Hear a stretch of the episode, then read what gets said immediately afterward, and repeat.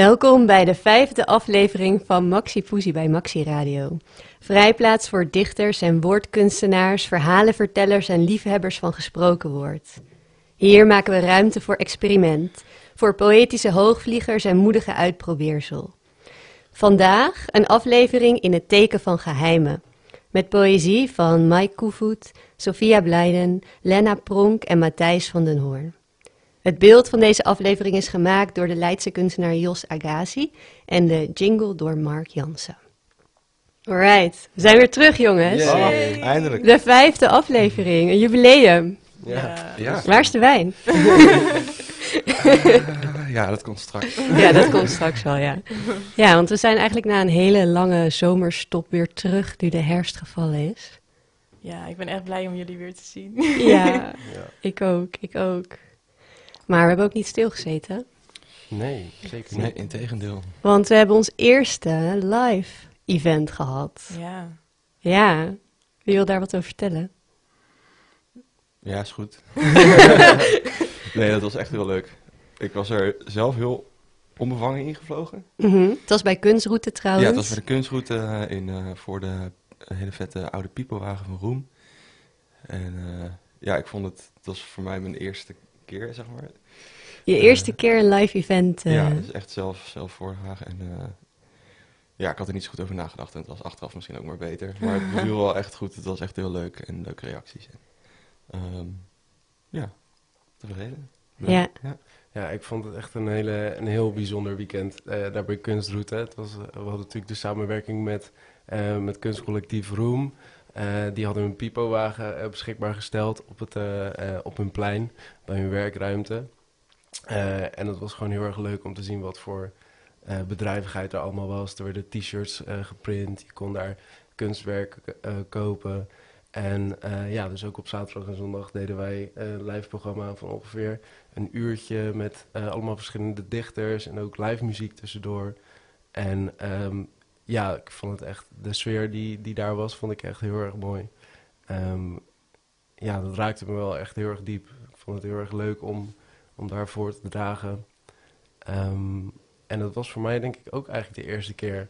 Ehm, niet dat ik op een podium stond, maar wel dat ik met mijn eigen poëzie zeg maar op een podium stond. Dus ja, ik vond het eh, heel bijzonder. Ja. En nog steeds eigenlijk een beetje van het nagenieten. ja, ja. ja, het was echt bijzonder, want Annemieke, wat jij altijd in de introductie zegt, van het is een vrijplaats en we zijn eigenlijk een beetje aan het spelen en de sfeer is altijd heel gemoedelijk en lief.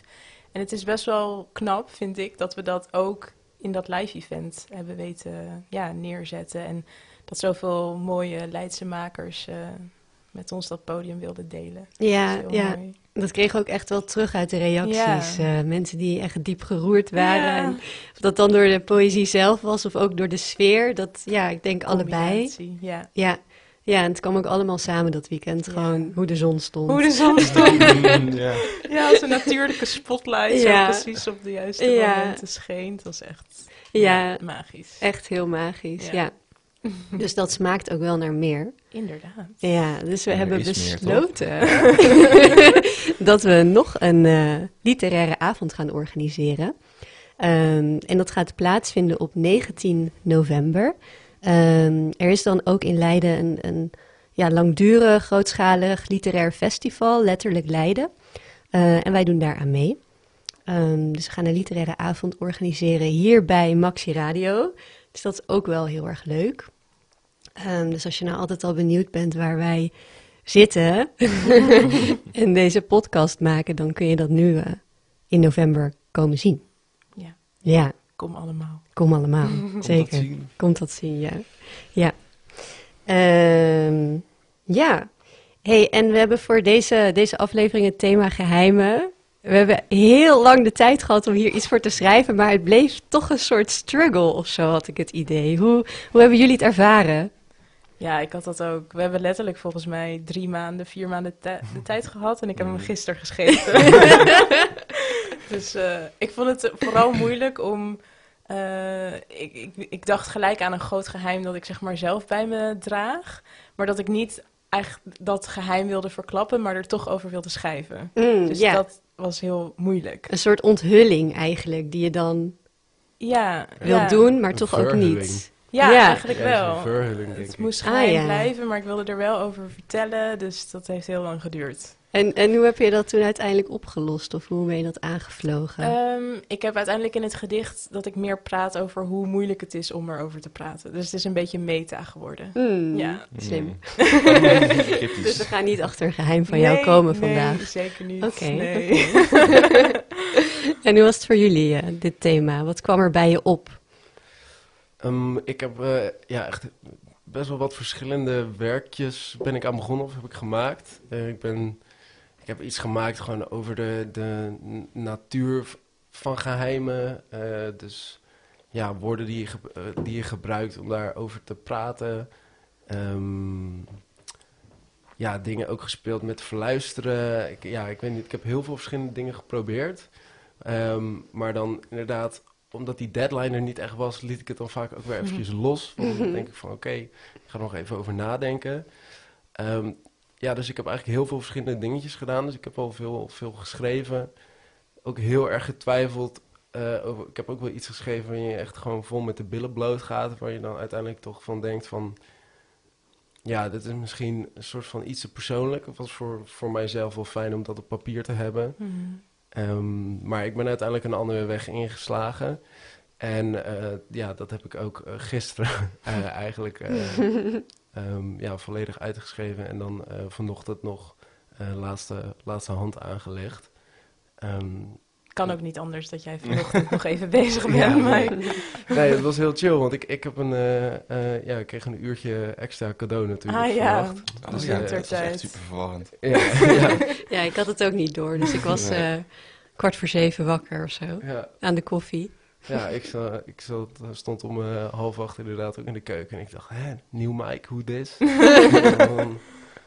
Ehm, maar ja, uiteindelijk bleek het gewoon eh, het uurtje cadeau eh, gekregen te hebben. Maar ja, ehm, dus ja, ik, ik heb heel veel zin om het voor te dragen. Ja. Ja, uiteindelijk goed gekomen. Mooi. Ja. Jij? ja, ik was echt al heel lang klaar. Oh. Echt, ik, eh, ik, ik moest het gisteren gewoon even teruglezen, omdat ik echt geen idee meer had waar het over ging. Het, het- toen we het onderwerp getrokken hadden, toen eh, had ik daarna een soort duistere periode daarna of zo, in de zomer. En toen heb ik iets, iets heel engs geschreven of zo. Mm. En dat, uiteindelijk is dat ook wel met, met een soort vleugje humor erin en zo. Eh, en toen eigenlijk gewoon daar gelaten en niet zo lang meer naar gekeken. Heb je er nog iets aan gedaan sindsdien? Of Weinig, weinig. Ja, ja. dus cool. het, is, het is een soort Oeh, en dat gaan we ook... tijdreizen eh, naar dat, dat moment. Ja, naar dat gevoel van toen. Ja, Ja, Dus dat gaan we zo horen. ja denk het wel. Spannend. ja. Oh, Leuk. superleuk. Ja. Ja. Ja. ja. ik had ook ehm, eh, weer bij Index gevraagd aan de eigenaresse Anne van heb je nog tips voor het thema geheimen? En eigenlijk is dat nog helemaal niet zo, zo makkelijk of zo. Maar ze, ze kwam toen met het, ehm, met het idee over dat er natuurlijk heel veel verboden boeken waren. Oh, of erotische poëzie die dan niet gelezen mocht worden. Ehm, en toen hadden we het er nog een beetje over wat specifieker. Van zijn er dan bundels van hedendaagse Nederlandse schrijvers die misschien eh, het thema geheimen eh, bespreken. En toen eh, kreeg ik een foto, dus daarom zit ik hier met een papiertje in plaats van een bundel. Eh, en toen stuurde ze het gedicht eh, Aanwezigheid uit Kalfsvlies van Marieke Lucas Rijneveld. Mhm. Zal ik die voordragen? Ja. Ja, Oké.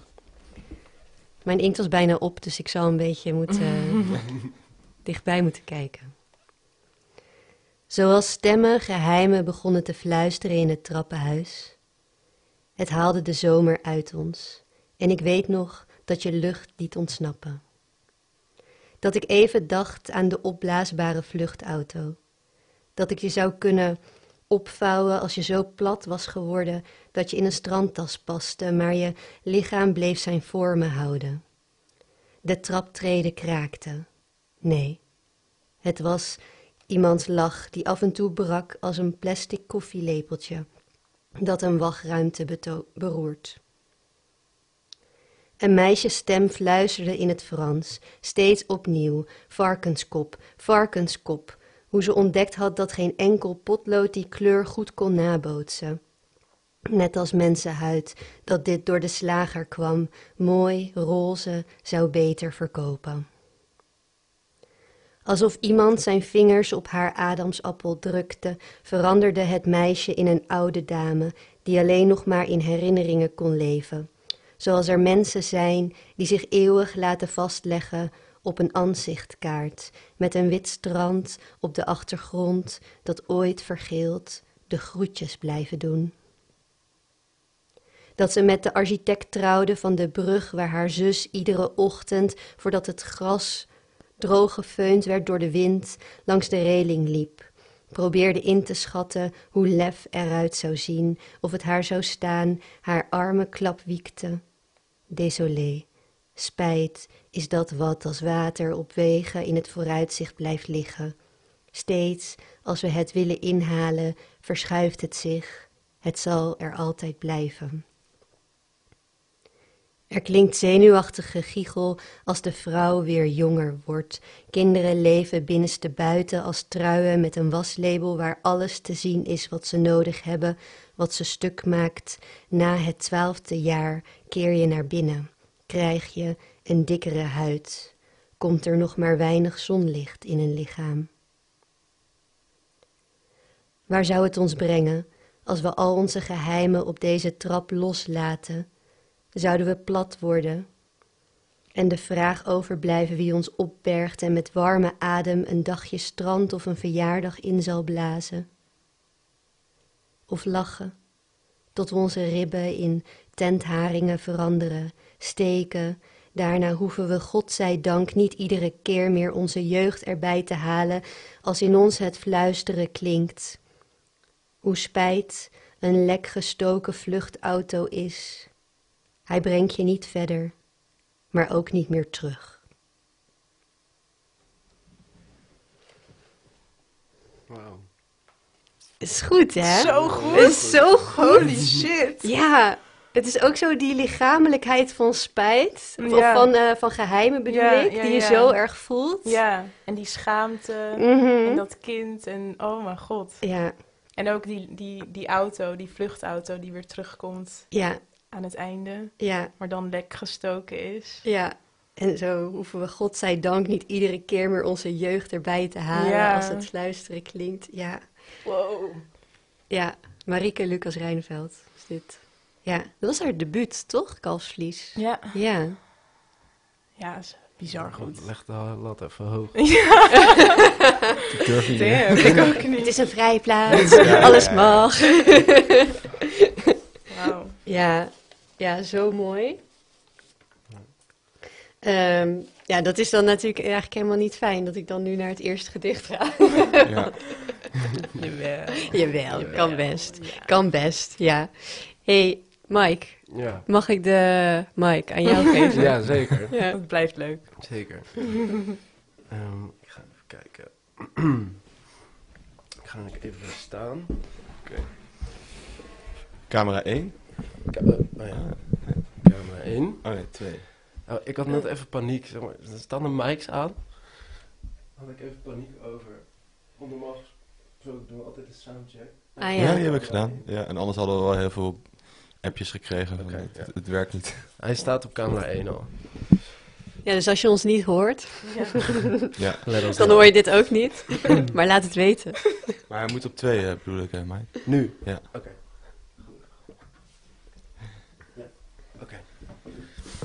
Daar gaan we. Ehm, het heet Kill the Headlights and Put It in Neutral. Het is 1963. Ze hebben mij door het hoofd geschoten. We cirkelen langs een zwart gat, richting wormgat op wormgat. Ik houd mijn ogen stijf dicht en laat hem rollen. Een paarskleurige velvet oogklep, oogklep over mijn alziend oog. De corresponderende onderdelen in mijn hersenen verhongerd, hangend aan een draadje van natuur. Mijn corpus callosum, mijn pijnappelklier, mijn verziekte hormoongestel onderprikkeld. We zitten met z'n allen in een zwarte Cadillac Coupe de Ville, glijdend door de heuvels van een nog schoon en hoopvol Los Angeles. Hier zijn nog engelen. Tiendimensionale raderen, belegd met ogen, maken hier met vuur de dienst uit, totdat mensen zijn eilende koortsdroom realiseert en de realiteit door wormgat helter skelter S29 flikkert. Amygdala. Angst voor toekomst en de oude. Mijn cortex ziet alleen nog maar problemen. Het is de dood van consequentie, de teloorgang van verantwoordelijkheid. Ze spreken allen over vredestijd, maar ik zie alleen maar oorlog. Ik ben overprikkeld. Ik kijk in mijn achterbak vol met drugs en pillen. Oxys, Xanax, Zoloft, ketamine. Alles, alles om mij normaal te doen voelen. Ik zag het op de tv. Deze goedkope vakanties doen wat yin bij de yang. Doen wijn bij water. Sinds kort met microplastics. Zet het onrecht dat mijn biologie wordt aangedaan recht. Of laat me het op zijn minst vergeten dat ik elke week een pinpas eet. Het is 1994 en ze hebben mij door het hoofd geschoten. Ik vroeg om een milkshake na een overdosis in een coma. Ik kon de generatie niet langer dragen.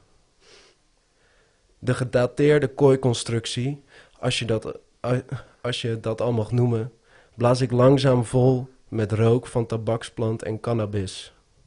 Het maakt het moeilijk om de weg te zien. Ik gooi whisky in de tank. De benzine moet op. Importeer de eerste airbags uit Shenzhen. Draag een doorschijnend topje van nepzijde. Scroll doelloos mijn kop kapot terwijl ik langs de spookhuizen in Bel Air cruise, hopend op een collisie met Apollo. Hij heeft mij verlaten en ik heb hem dat nooit vergeven. En maak de realiteit maar virtueel, want deze realiteit is om te kotsen. Op deze frequentie in dit wormgat G48b is Zuckerberg een android, afgevaardigde van 1% van 1%. Zet die bril maar op. Koop een zelfzuigende flashlight Satisfyer Pro prostaatmassage beukert en de zoektocht naar waarde zal staken. De laatste draad is door. Het is 2001 en deze was het heftigst. Ze hebben mij tweemaal door de achterkant van mijn hoofd geschoten. Want ik dreigde een black boekje open te doen over Cheney. Met de groeten van de CIA. Ze vonden me in een badkuip in Parijs en ik heb die journalisten uiteindelijk nooit gesproken.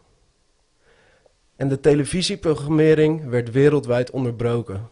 Je wilt niet weten wat voor goede content ik allemaal gemist heb. Ze tonen nu compilatie na compilatie van hardcore porno in de zalen waar cinema geboren is. En ik vraag me af, zou zij het nog wel naar haar zin hebben? Mensen zien het niet eens meer. Ze kijken alleen nog naar hun popcorn. Je mag weer roken in de zaal. Meneer, wilt u nog een aansteker of zes Viagra bij dat pakje peuken? Het is namelijk twee voor één.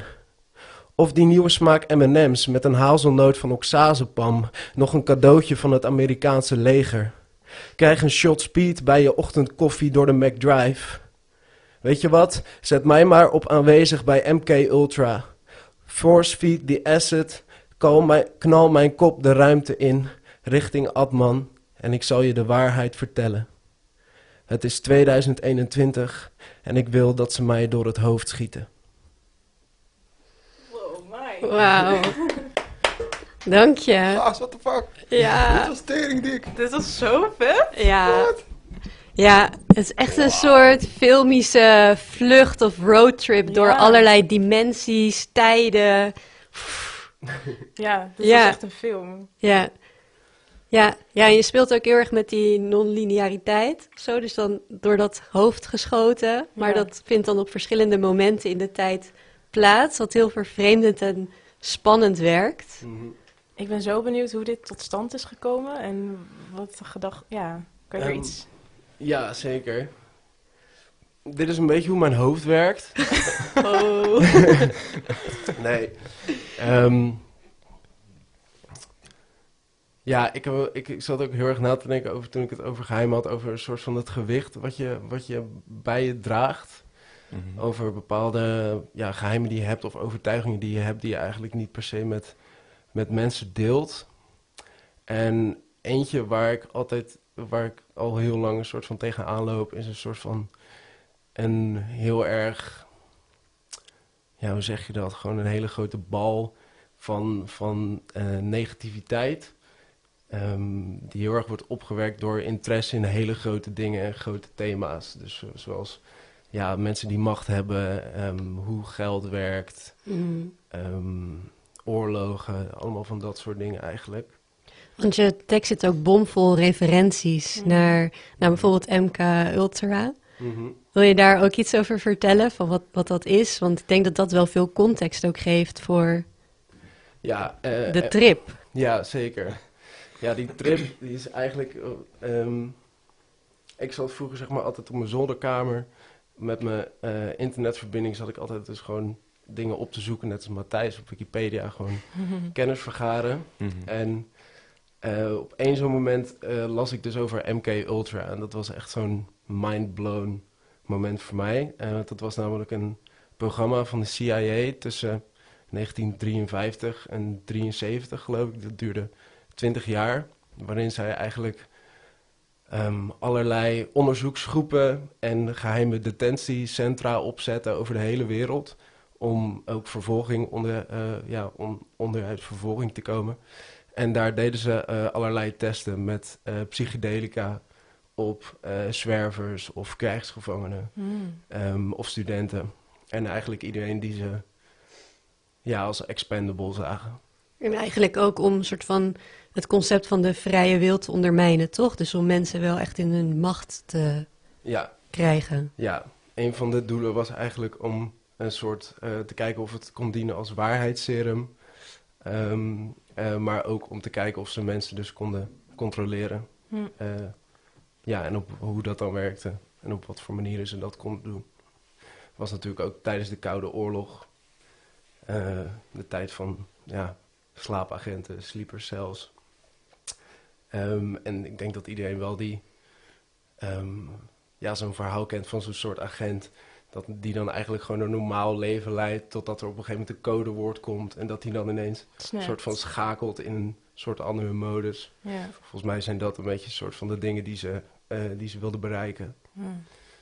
Ehm, En heb je die jaartallen die je steeds noemde, heb je die dan gebaseerd op iets uit zeg maar een historisch feit of zo?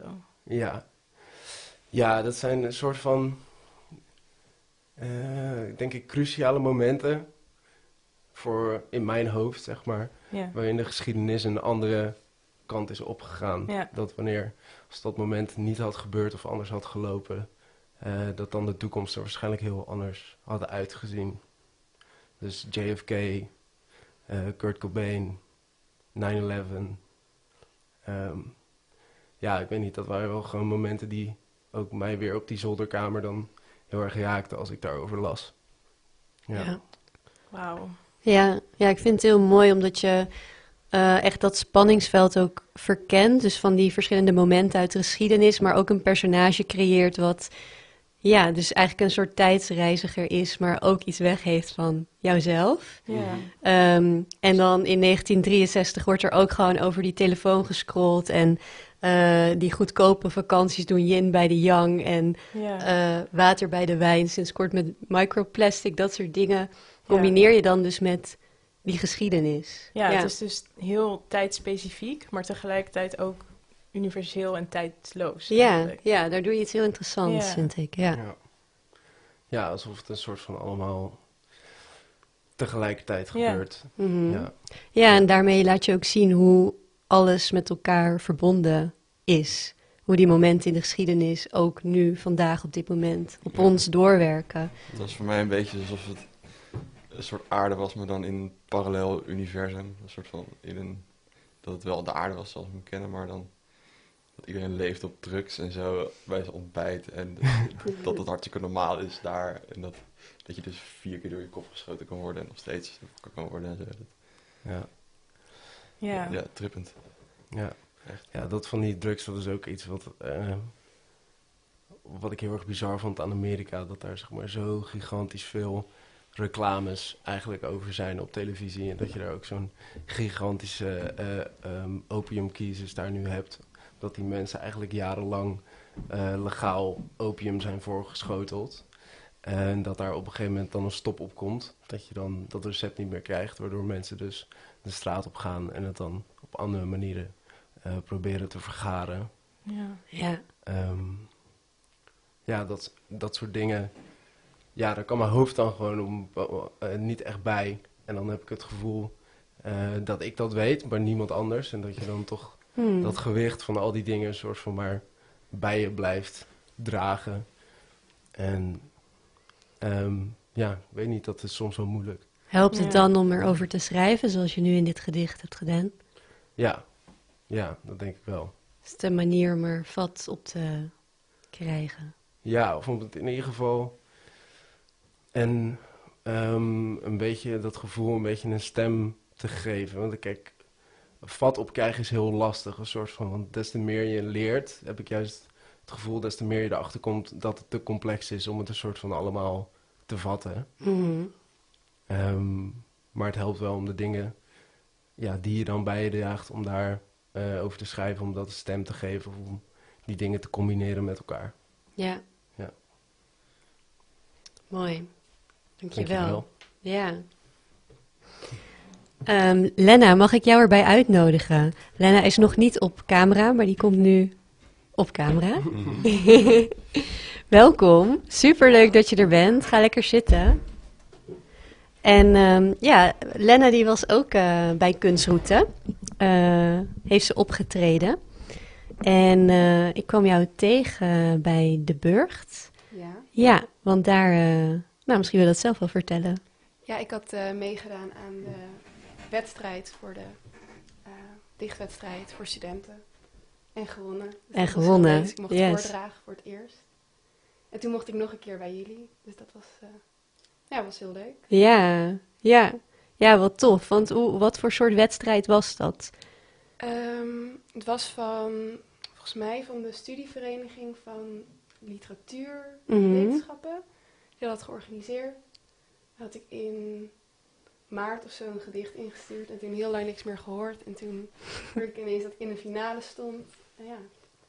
En toen heb ik de Nederlandse, Nederlandse categorie gewonnen. Ja, want er was een Nederlandse en een Engelse categorie. Ja, ja. ja. en het was heel leuk, want het was de Nacht van de Poëzie in september, geloof ik. Eh, dus alle dichters die kwamen op in de burcht. Het was heel mooi verlicht, heel romantisch eh, voordragen.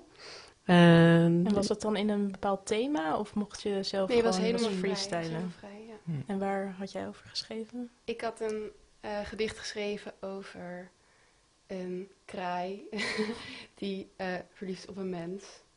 Ja. Cool. ja, Is dat ook het gedicht wat je hebt meegenomen of heb je iets anders ik heb meegenomen? iets anders meegenomen. Ja. Wat heb je meegenomen voor vandaag? Ik heb een gedicht nu meegenomen dat ik ehm, moet- ehm, uit een opdracht moest ik een gedicht schrijven over een film. Mhm. En ik heb toen eh, over de film A Family Finds Entertainment geschreven. Dat is ehm, een film van een kunstenaar, Amerikaans kunstenaar. En het is echt super trippy en echt heel grimmig of zo. Dus het is ook heel anders dan eh, het gedicht waarmee ik die wedstrijd heb gehoord. Het is eh, Alright, een stuk grilliger. een stuk grilliger. Ik ben heel benieuwd. Ik ook. Ja, Leuk. ga je hem laten horen? Ja, zoeken. Staat de camera goed? Oh ja. Hij staat nog zoals hij stond. Ja.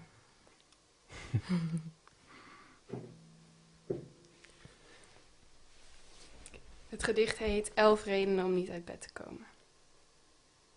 1. Of ik hier voor altijd moet blijven en hoe ik eruit zie in de ogen van mijn vis als ik in bed lig.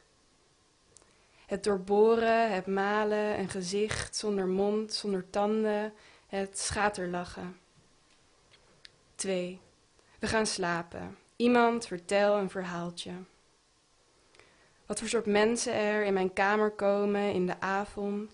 Wat voor soort goren, tyfus lullen ik mijn leven mee verziek. Met wat voor soort mensen ik naar een reden zoek. 3. Ik zou sterven voor mijn goudvis. 4. Skippy. Er zit bloed onder de randen van mijn nagels. Ik heb de neiging wat uit de bocht te schieten. Ik ben soms te emotioneel, soms ben ik te impulsief, soms laat ik me meeslepen. 5. Iedereen haat me. 5b. Ik haat iedereen. 6. Ik vraag me af of mijn haar goed zit. 7. Er is maar één iemand die mijn slechte kanten ziet. Ik zoek nog iets om voor te sterven.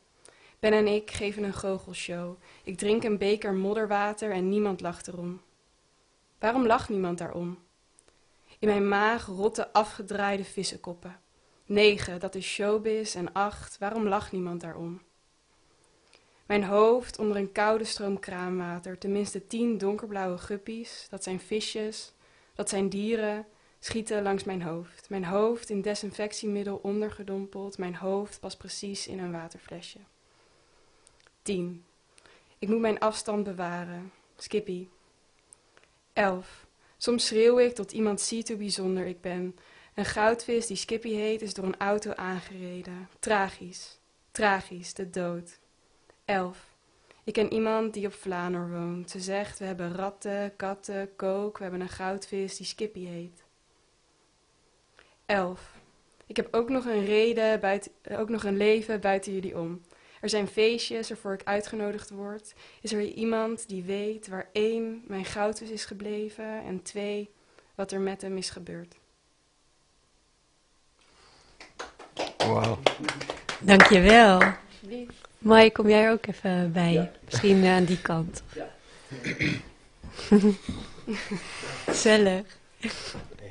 Spijtje, hè? Dat is goed. Ja, goed, ja.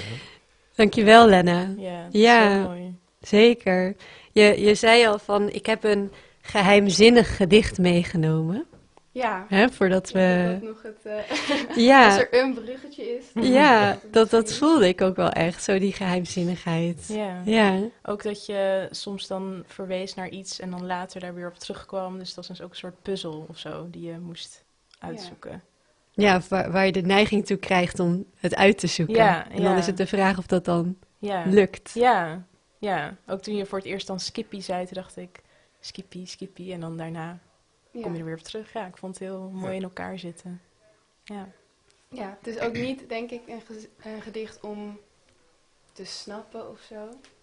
Eh, ik weet niet of de puzzel uiteindelijk helemaal in elkaar past. ja, dat hoeft ook niet. Nee. Want wat betekent dat geheimzinnige voor jou? Ja. ehm, nou, ik denk dat een gedicht altijd dus wel een beetje geheimzinnig moet zijn. Eh, want het gaat ook vaak om wat, er, wat je niet zegt en wat je weglaat. Terwijl, ehm, dus ik vind het wel leuk om daarmee te spelen. En te kijken hoe ver je daarin kan gaan. Want het moet ook niet volledig onbegrijpbaar zijn. Mhm, mhm. Ja. En je- moet denk ik een beetje de grens opzoeken met eh, hoe ver je dat kan doortrekken. En ja, Ja, dus eigenlijk die concrete beelden, zoals wat ik heel mooi vond, eh, hoe ik eruit zie in de ogen van mijn goudvis als ik in bed lig. Mhm. Meteen, oh ja, oké, dus eh, die goudvis, die is misschien in de buurt van jou. En dat dan weer vermengen met eigenlijk het minder concreet en het geheimzinnige. ja. Ja, En ik was ook benieuwd, omdat je zei net dat dat andere gedicht ging over een kraai die verliefd werd op een mens. Schrijf je graag over dieren met menselijke eigenschappen of is dat toeval nu? Eh, mm, ik vind het wel leuk om een beetje het absurde op te zoeken. Ik probeer daar wel steeds.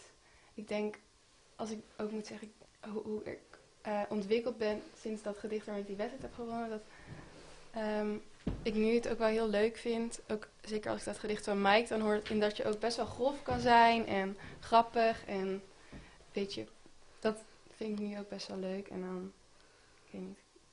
Ik weet niet of ik heel veel over dieren schrijf, maar het is wel een leuk thema. Ja, het absurdisme. Ja. Nice. Ik herken dat wel heel erg, dat, eh, dat spelen. Dat je echt een beetje aan het koorddansen bent. Dus oké, wat is iets compleet out there, wat ik kan zeggen. En hoe pak je mensen dan ook weer... Ja, hou je ze een beetje met voeten aan de grond of zo.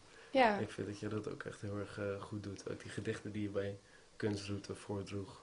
Eh, echt sommige dingen die dan zo kant en klaar eh, ja, worden gezegd of zo. En dat raad je dan en dan komt daarna weer zoiets out there's. Dat, dat me, merk ik echt dat mijn hoofd daar helemaal mee, mee aan, de, aan de haal gaat. Ja. ja. ja. ja, wat ik ook heel mooi vond in dit gedicht was dat eh, spanningsveld tussen alle mensen die op jouw kamer komen, die gore tyfus lullen, eh, zoals je dat dan zegt. En, eh, en dan even later in het gedicht noem je, en er is er maar één die mijn slechte kanten kent. Ja. En, en dat, daar bleef ik een beetje zo achter haken van, oh ja, dat verschil tussen iemand gewoon kennen of iemand erkennen en echt zien en weten wie diegene is. Dat heeft ook, ja, dat is ook een soort geheim eigenlijk. ja, Ja, dat vind ik mooi. Ja, dat heb ik zelf nog niet uitgehaald. Dat dat ook een... Dat je heel veel mensen kan kennen, maar eigenlijk is het voor heel veel van die mensen... Eigenlijk ben jij nog een geheim. ja. Voor mij ben je nog een geheim. Voor mij zijn jullie ook allemaal een geheim. Ja. Heb je zelf nog eh, schrijversgeheimen? Schrijvers Ja, manieren die, eh, om tot schrijven te komen. Ehm, Tips, tricks. Ik had laatst iets heel leuks gedaan. Ja. Toen heb ik een gedicht eh, in stukjes uitgeprint, in stukjes geknipt. En een nieuw gedicht gepuzzeld. Mm. En dan kom je op zulke leuke, eh, ook wel absurde dingen, maar ook gewoon, dan wordt je gedicht heel veel mooier. Als je dan volgens een paar van die geknipselde zinnen Ja. nou, ik, ik weet niet. Ik had een gedicht geschreven waarin ik ehm, eigenlijk soort van de menselijke anatomie vergeleek met ehm, gewoon zeg maar emotionele pijn en dan. Maar het zat heel erg om en om. Maar, en toen heb ik hem in stukjes geknipt en toen kwam het heel erg echt erin. Dus dat Oh, ik wel- wauw. Dat je echt best wel gekke experimenten kan doen. En dan... En jezelf nog een beetje kan verrassen ook. Ja, Ja, ja. ja.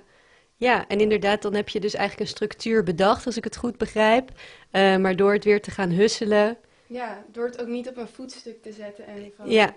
Ik mag er niet meer aankomen. Door juist heel oneerbiedig het gewoon helemaal Mhm. letterlijk kapot te maken en weer aan elkaar te lijmen. Kan Ja. soms iets heel moois komen. En het verandert natuurlijk ook het hele ritme weer van een gedicht. Ja, ja. Ja.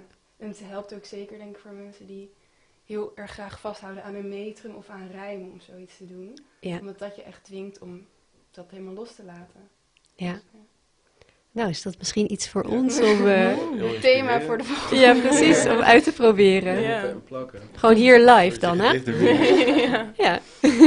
Lezen we het een keer gewoon voor en daarna knippen. En ook zeker niet knippen en plakken op de computer, maar echt. Ja, echt knippen en plakken. Ja, ja. ja. Nou, ik vind het wel een goed idee. Dankjewel, Alsjeblieft. Lenne. Alright. Tjuk, tjuk. Next up. Next up, ja. Wie is de volgende eigenlijk? Even kijken. Matthijs. Ja, Ja, ik wil wel. Ja, jij wil wel. Oh, heel goed. Het zit al zo lang. Bes- Bestaat het al? dat, dat ik bijna denk, misschien is het gaan rotten of zo. Is het vergaan? Eh, Japanners noemen dat een delicatesse. dankjewel, Mike.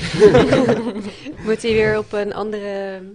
Oh, Stand? andere... Oh, jullie moeten Oh wisselen. ja, jullie moeten Oh, even ja, wisselen, Jan ja. Vlieger, Matthijs. Ja. Eh,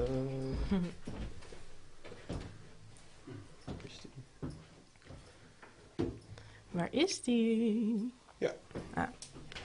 Gelukkig.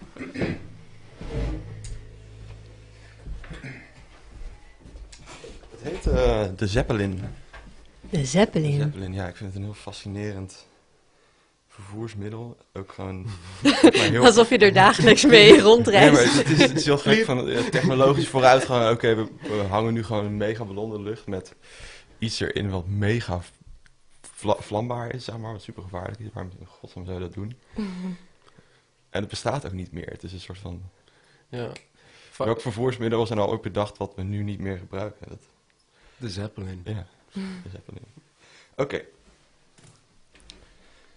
De Zeppelin. Tussen het aardoppervlak en de gore hemel zweeft een zeppelin. Een zwarte zeppelin vol waterstof, sterrenstof, stof, bergen met stof. Een zeppelin met 666 zintuigen. 666 zeg ik je.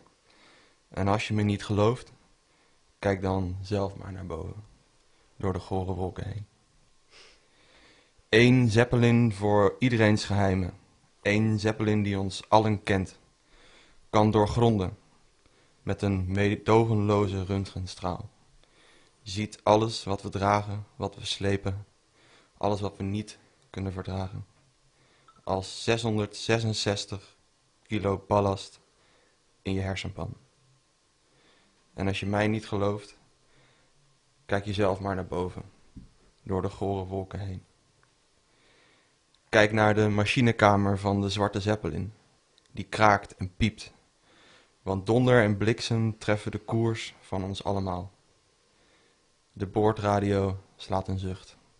De observatie is gemaakt. De pijnlijke feiten liggen op tafel. Hier is het rapport. Die meneer heeft zijn vrouw bedrogen met een man. Een jongen stilt van zijn blinde moeder. Die vrouw is stiekem alcoholist terwijl haar baby in haar groeit. En de president van Rusland is bang voor zijn moeder. Een astronaut met hoogtevrees.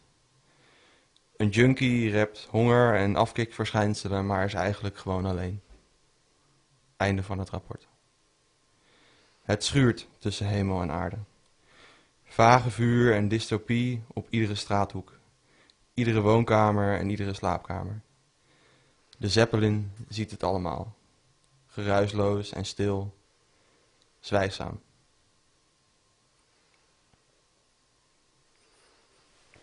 Oh, mooi man. Cool. Dankjewel. Dank je. Ja, jullie bedankt.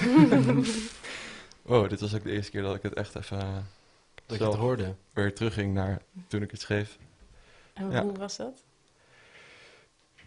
Ik voelde me toen heel grillig. En dat was het woord wat je net gebruikte. Toen voelde ik me heel Ja, kuts hoor.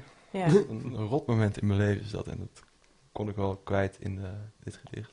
ja. Ik Ja. voelde dat ook wel. Ook een soort woede. Of, Ja, ja. Ook een hele mooie vergelijking dan gemaakt met de, de Zeppelin. Vol met brandbare spul op ja, klappen. Ja. ja, ja. Nou, Ja, en Ja. ook een zeppelin bijna als een soort enorm dier in de lucht. Mhm. Of een soort god of zo. Dat idee kreeg ik erbij, maar ik denk natuurlijk altijd aan God. maar in elk geval een, een wezen wat, wat alles ziet. Mhm. En, eh, en niet alleen observeert, maar er, de, er is ook een interactie. Dus hetgene wat wordt geobserveerd doet ook iets met het wezen in de lucht, met de zeppelin. Mhm. En het is brandbaar. Ja. Ja, ja, dat zijn, misschien is het een soort mooie metafoor voor eh, de brandbare geheimen in ons hoofd die soms in één keer vlam kunnen vatten en dan dat ja, effect heeft op je leven, je emoties. en ook de geheimen die je elke dag ziet of denkt te zien. Ik, Ja. moest, wel- ik wel, eh, moest wel lachen, want toen je op een gegeven moment dat, dat rapport ging oplezen... met eigenlijk Mhm. al die standaard ge geheimpjes... ik, oh, daar heb ik, heb ik inderdaad ook mee, eh, mee gespeeld. Ehm, en dat vond ik ook wel heel vet om te zien dat je... Jij, die van jou waren wel een stuk beter overigens. Ehm, maar dat je... ehm, ja, die, die geheimen die je een soort van om je heen ziet of denkt te zien... eh, ja, dat vond ik ook heel vet om te zien. Dat je dat samenvangt in een rapport. Ja. Althans, dat was het voor mij. Ja, het voelt alsof geheim iets, iets heel universeels, zeg maar. Het is gewoon soort van dimensie in iemands hoofd en iedereen heeft het. En Ja. ik beeld me dan in dat, ik, dat je dan door de supermarkt heen loopt en dat je dan, als je dan iedereen's geheim zou kunnen zien als een soort van tekstballonnetje boven iemands hoofd of zo, dat zou heel Mm. grappig zijn. Ja. Dat Oh, je ziet wat... eh, angstaanjagend. Ja. Eh, misschien een beetje als je in iemand zijn mandje kijkt, kan je het misschien bij sommigen zien. Ja. Supermarkt. Ja. Als, Ja. iemand, als ik twij- twijfelend voor de frikandelbroodjes sta, zeg maar, op zondagochtend of zo. Dan weet je hoe laat het is. Ja. ja, precies. Ja. Volgende? Ja, dat is goed. Dat is goed. Ja. Gaan we door? Ja? Eh, dan gaan we naar Sofia. Ja, ik zou even wisselen met jou. dan. Ja, is goed. Oh, eh, staat de camera? Staat goed, hè? Ik denk dat hij nog ehm, staat op eh, de voordraagmicrofoon. Dat is goed, toch? Twee. Hey Sofia. Hi. Hallo. Eh, Jij hebt het vanochtend, nee gisteren geschreven, zei je al, eerder in de Ja. uitzending. Ja, ik was gisteren in de auto aan het rijden van Zoetermeer naar Amsterdam. En toen heb ik de eerste zinnen opgeschreven. En gisteravond moest ik eh, optreden en ik had tussendoor pauzes, want het was in blokjes. En toen heb ik het eh, afgemaakt. Dus je hebt je gedicht geschreven in het Rijksmuseum. Ja, klopt. Ja. Dat is best episch. ja. Hoe, hoe zag dat eruit? Waar zat je? Bij welke, Ja, ik welke zat in de zaal? zaal eh, van de 19e eeuw, de collectie van de 19e eeuw. Ehm, ik stond bij een eh, marmeren beeld van Lorenzo Bartolini, waar ik ook een verhaal over had geschreven. Daarvoor moest ik daar optreden, maar het was een soort rondleiding. Dus er kwamen steeds groepen mensen langs en tussendoor heb ik in mijn telefoon staan typen. Wauw. Inspirerende omgeving. Ja, Ja. ik zie het helemaal voor me. Ja, het reis komt niet voor in mijn, eh, in mijn tekst, maar ja. Ehm, moet ik het nog inleiden? Ik weet niet zo goed. Ehm, ja, misschien wel. Wat jij wil. Eh, het, het heet Propje. En het gaat dus eigenlijk...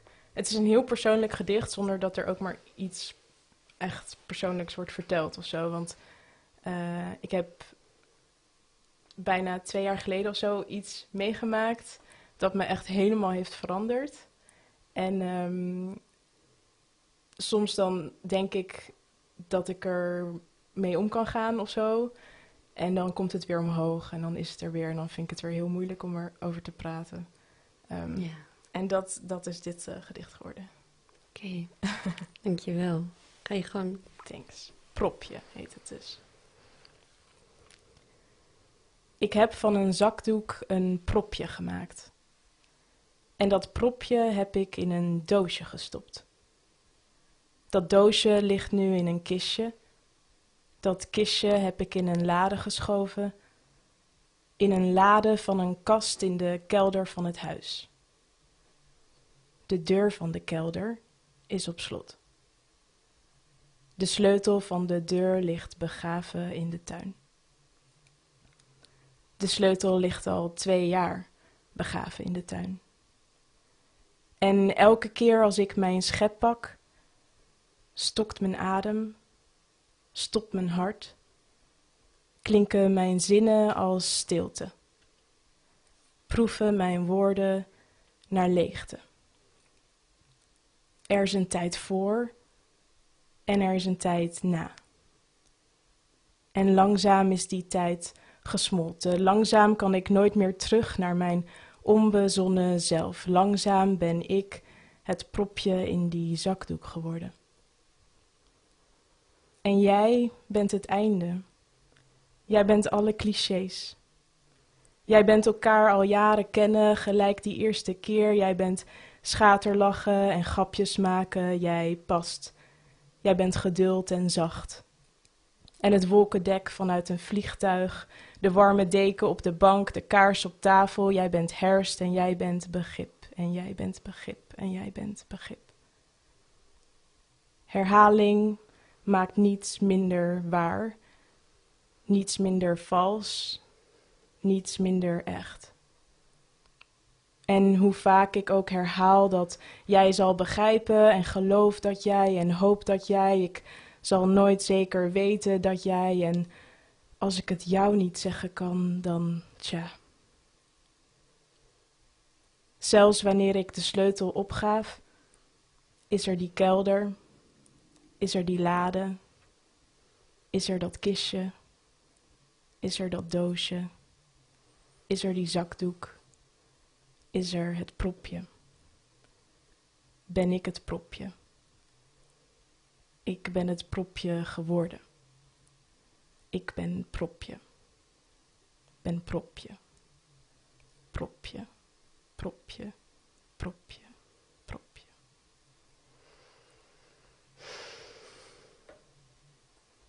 Dankjewel. Ja, Prachtig. Dank ja, heel mooi. Ja. Thanks. Ik zal Ja. hem weer even opeenzetten.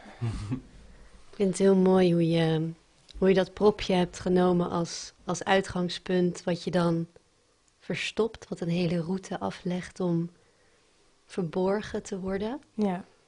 En dan eigenlijk op het moment dat dan eh, de ik-persoon in het gedicht een, een ander tegenkomt in die interactie, komt dat propje weer tevoorschijn. Ja, Ehm, en dat je dan zo die, dat bezwerende van, jij bent begrip, jij bent begrip. Maar wat als ik het niet tegen jou kan vertellen? ja, Ja, dat raakte me wel. ja. Ja, ik Ja. wilde die herhaling van dat begrip er ook in doen, omdat het een soort mantra in mijn eigen hoofd is. Dat ik dan tegen mezelf ga zeggen totdat ik het geloof of zo. Ja, Eh, dus daarom heb ik het erin gestopt. En ook die herhaling aan het einde met propje, propje, propje. Omdat ik ook nog steeds hoop of zo te geloven dat hoe vaak ik dat geheim wel hardop bijvoorbeeld herhaal, dat Mhm. het dan ook steeds minder betekenis krijgt. Net als dat als je een woord maar vaak genoeg herhaalt, dat het opeens heel raar klinkt of heel erg uit de context wordt getrokken of zo. ja, ja, Ehm, dus daarom eh, ja, heb ik dat zo gedaan. ja. Mooi. Ik vond het echt heel mooi. Ik vraag me iedere keer af, dan, als je begint met, met voordragen, dan je pakt me meteen een soort van vast. En dan door het gehele gedicht heen, dan trek je maar mijn haar of zo, aan mijn emoties. En dan aan het einde dan, dan denk ik, wow, wat de fuck gebeurde daar? Mhm. Ik voel echt dan dat ik een soort van moest huilen of zo, maar ik weet niet precies waarom. Dus Ik, ja, ik dat is voel bijzonder. Dat, ik voelde dat ook wel. Ja. Ik raakte wel geëmotioneerd. Heel erg gewoon door die verschillende lagen waar je dat een soort van dat geheim achter bewaart. Mhm. Eh, dat vond ik echt eh, heel mooi, omdat dat, ja, denk ik vaak, vaak gebeurt met verschillende dingen die je hebt meegemaakt. Of, ja, ik weet niet, oude, oude overtuigingen of weet ik veel, leugens die je jezelf vertelt. Of die, die zet je helemaal dicht en daar bouw je iets omheen en nog iets en nog iets. En dan wordt het een soort van steeds lastiger om daarbij te komen of om al die dingen weer uit te pakken. En ik vond dat je dat echt heel mooi ehm, ja, heel mooi had gezegd. En inderdaad, zelfs als je dus met iemand bent die je een soort van helemaal vertrouwt, of die waar, waar je ehm, die echt een soort van laat zien dat je het daar kwijt kan, Ja, dat er dan nog steeds eh, dat het heel erg moeilijk is om dat dan nog steeds een soort van ja, uit te pakken en op tafel te gooien en te vertellen wat daar, wat daar is gebeurd of zo. Dat is denk ik heel moeilijk en dat is ook echt iets aan geheimen wat waarom je ze denk ik zo lang bij je kan dragen en waarom Ja. ze zo'n groot effect op je kunnen hebben. ja. En het is ook zo'n... eh, op een gegeven moment wordt het dan ook zo'n... ehm, wat je ook doet, het is, het, gaat, het is niet goed of zo. Want als je het wel bewaart, dan neemt het een eigen leven. En dan is het zo'n ding. Dat, je weet dat allebei dan dat er iets is of zo, maar je kan het niet uitspreken. Terwijl tegelijkertijd de angst van het wel uitspreken en dat het dan een slechte afloop zou hebben, is ook ondraaglijk. Dus het is een soort, ja, Ja. gedoemd om te Mm. mislukken dan of zo. Ja. Ja, want dat, Ja. Dat, dat beschrijf je ook heel helder, vind ik. Dat eigenlijk die spanning dat eh, je dan op een gegeven moment gaat vereenzelvigen met het propje. Ja, Of met het geheim eigenlijk. Juist omdat het geheim zoveel ruimte inneemt. ja, ehm, dat in elke interactie is er altijd die vraag: kan ik, kan ik mijn geheim met jou delen? ja, Want pas dan kan ik echt mezelf zijn. Ja. Of dan kan ik ja, ja, me veilig voelen. ja, Dus het, het is ook ja, weer, net als bij, eh, bij Marieke Lucas Rijneveld eigenlijk, ook weer ehm, dat het zo inhaakt op die lichamelijkheid van een geheim. En zolang dat geheim groter en groter wordt omdat het niet uitgesproken is, kan het je overnemen. Ja. En word je dat propje. ja, Ja, eh, ja, het is een soort van van twee kanten. Want aan de ene kant, door het dus in te pakken, zet je een soort van een bepaalde afstand. een bepaald gedeelte van je speelveld zet je af, Ja. waar je dus niet meer bij kan. ja een soort hek. Ja. Ja. waardoor je dus een soort van minder ruimte hebt Mhm. om, oké, ehm, ja, om, om jezelf te zijn. Maar dat het op een gegeven moment dus ook zo lastig is om die eh, te graven of om die, die straatjes in te gaan die je in je hoofd eigenlijk niet in wil gaan, omdat het gewoon te veel pijn doet of omdat je gewoon ja, niet weet wat je, wat je ermee moet. Ehm, dat dat dus uiteindelijk die afzetting van je speelveld dan uiteindelijk een soort van dat hele speelveld begint te worden. ja. Ja. Ja, want ergens is het, het delen van een geheim wat je zo, zo nauw aan het hart ligt, denk ik ook wel iets wat nodig kan voelen om te banden met intimie. Ik weet niet hoe Mhm. dat voor jullie is. Ja, Zeker. Ja. Maar wat heb je dan nodig om, om dat te kunnen doen of zo? Of wat zijn de signalen die die andere persoon in elk geval moet afgeven om dit te durven?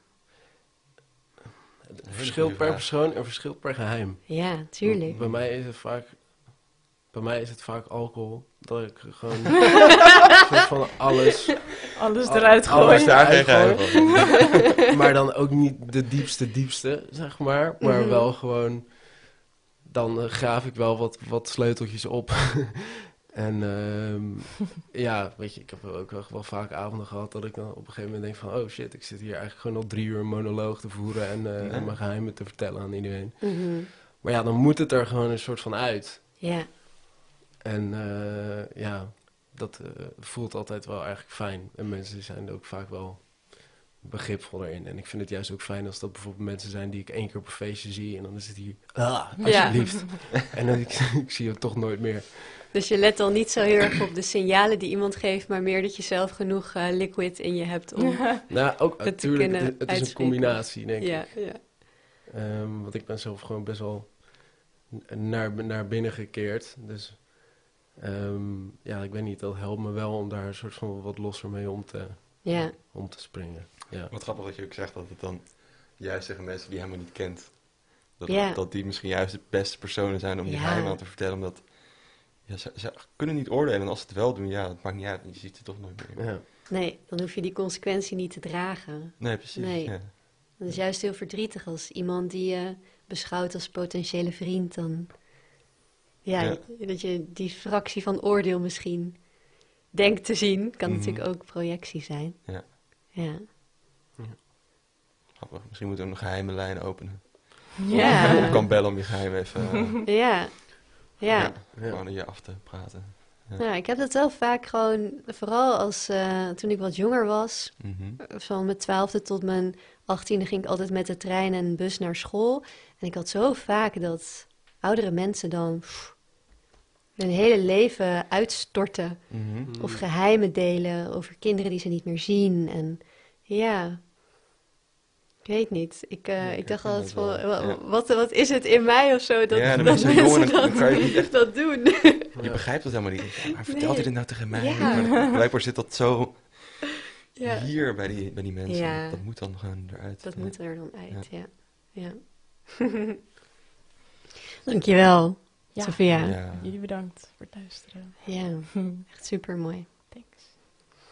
We zijn, eh, we zijn alweer aan het einde gekomen van Mhm. deze aflevering van Geheimen. Ik wil jullie heel erg bedanken voor eh, de fantastische gedichten. Ja. Sophia, Mike, Matthijs, Lena Jij Pronk. En ehm, we komen snel weer bij jullie terug Ja. met een nieuwe aflevering. En 19 november dus live. Yes. Ja. Allemaal langskomen. Allemaal langskomen. Van harte welkom. Ja, Alright. nu mag je. DJ. Nu mag. Hey.